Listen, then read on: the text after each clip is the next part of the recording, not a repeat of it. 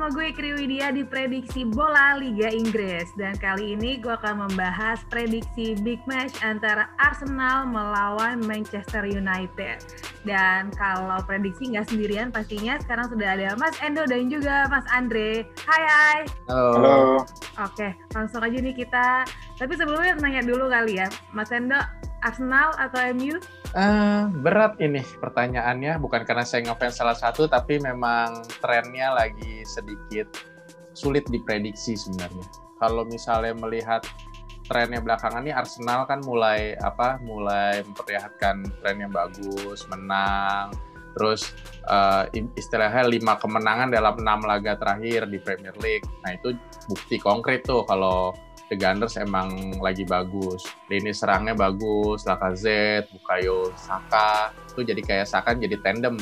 Dan Aubameyang pun belakangan terakhir lawan Newcastle juga bisa nyetak gol. Jadi memang lini depannya Arsenal nih cukup bagus lah belakangan ini.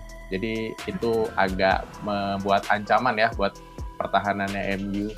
Apalagi kalau MU uh, masih belum punya Eric Bailey nih. Kita nggak tahu nih bakal dimainkan apa nggak karena kan mungkin kemungkinan masih cedera, kemungkinan Harry Maguire masih main sama Lindelof dan kemungkinan juga itu malah bikin pertahanan MU agak mengkhawatirkan nih. Jadi oleh Gunnar Solskjaer harus sedikit ekstra berpikir keras di pertandingan ini.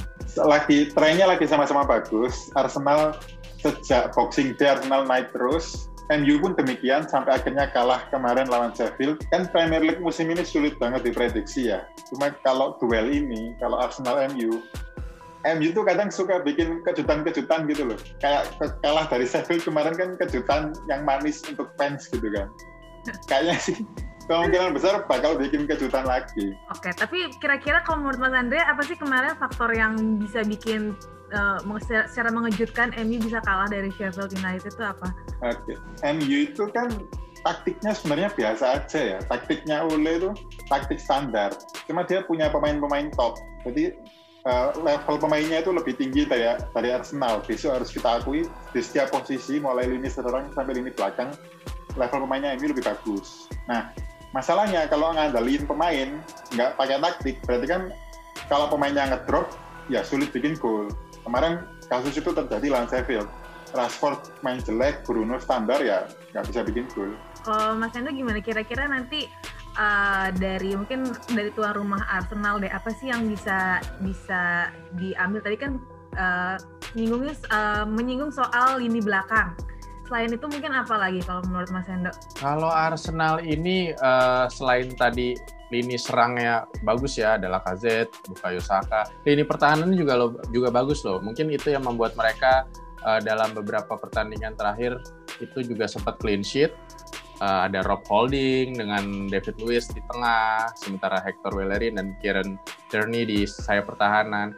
Ini akan cukup menyulitkan ya walaupun kata Mas Andri tadi MU punya pemain-pemain top di lini serang. Tapi benar kalau nggak ada taktik melawan tim yang pertahanannya cukup kuat akan kesulitan juga MU.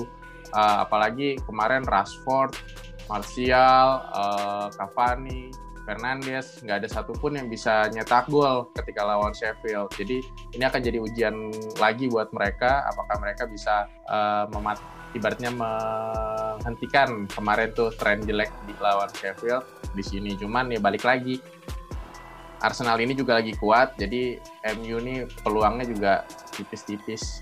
Tapi tadi kan Mas Anda sempat bilang katanya uh, eh, MU ini sebenarnya taktiknya standar aja. Kalau Mas Anda gimana? Setuju nggak? Atau ada pendapat berbeda? Benar kata Mas Andri tadi, uh, oleh Gunnar Solskjaer tuh harus cobalah untuk bisa merancang taktik yang lebih efisien dengan pemain-pemain top yang dia punya, jangan hanya mengandalkan kondisi pemainnya sendiri. Hmm, dan kalau misalnya kita ngomongin lini depan nih, kalau menurut Mas Andre dibandingkan apa? Kalau kita membandingkan kedua tim, siapa sih yang lebih unggul untuk lini depannya ya? Kalau bicara per individu, harusnya MU lebih unggul. Ada Rashford, uh, Cavani. Kalau ya Mar Martial nggak usah dihitung lah ya, itu dia nggak jelas banget musim ini. Rashford, Cavani sama Greenwood ini lebih oke okay daripada uh, besok kan Aubameyang kemungkinan tidak main nih kan dia masih ada masalah keluarga kalau nggak salah Jadi Arsenal Hmm, bakal ketik. ngandalin Lacazette sama mungkin eh, sayap kanan kirinya ini siapa yang main siapa yang dipilih nggak tahu. Nah, di- kalau kita bicara per individu, MU masih lebih bagus. Cuma tinggal polanya nih. MU kan nggak punya pola main yang seperti kataku tadi yang benar-benar bagus gitu. ya Arteta itu mungkin mulai menemukan komposisi yang tepat ya setelah Aubameyang sempat tidak perform panjang mungkin eh, hasil utak atiknya menemukan bagaimana Lacazette dengan Nicolas Pepe atau dengan eh, Bukayo Saka itu akhirnya bisa membuahkan hasil jadi akhirnya menjadi andalan baru nih tapi ya balik lagi nanti kita lihat juga apakah mereka akan bisa diandalkan terus atau Arteta sebenarnya harus bisa mencari opsi lain untuk eh, yang opsi yang lain yang ada untuk bisa menyeimbangkan timnya sampai akhir musim nanti. Oke, kalau gitu sekarang sebelum closing seperti biasa prediksi skor kira-kira berapa ke Mas Endo? Ya mungkin kali ini juga masih imbang sih kosong-kosong. Kalau Mas Andre 2-1 lah. 21. Oke, kalau Ya. gitu terima kasih Mas Endo dan juga Mas Andre untuk prediksi. Kita lihat aja siapa yang ter- mungkin terjadi apakah Mas Endo atau Mas Andre. Thank you ya. Dan untuk kalian semua juga gue ingetin jangan lupa untuk saksikan pertandingan Arsenal melawan Manchester United hari Minggu tanggal 31 Januari jam setengah satu malam. Dan kalian juga bisa untuk ngelihat review pertandingan langsung aja ke bola.com dan bola.net.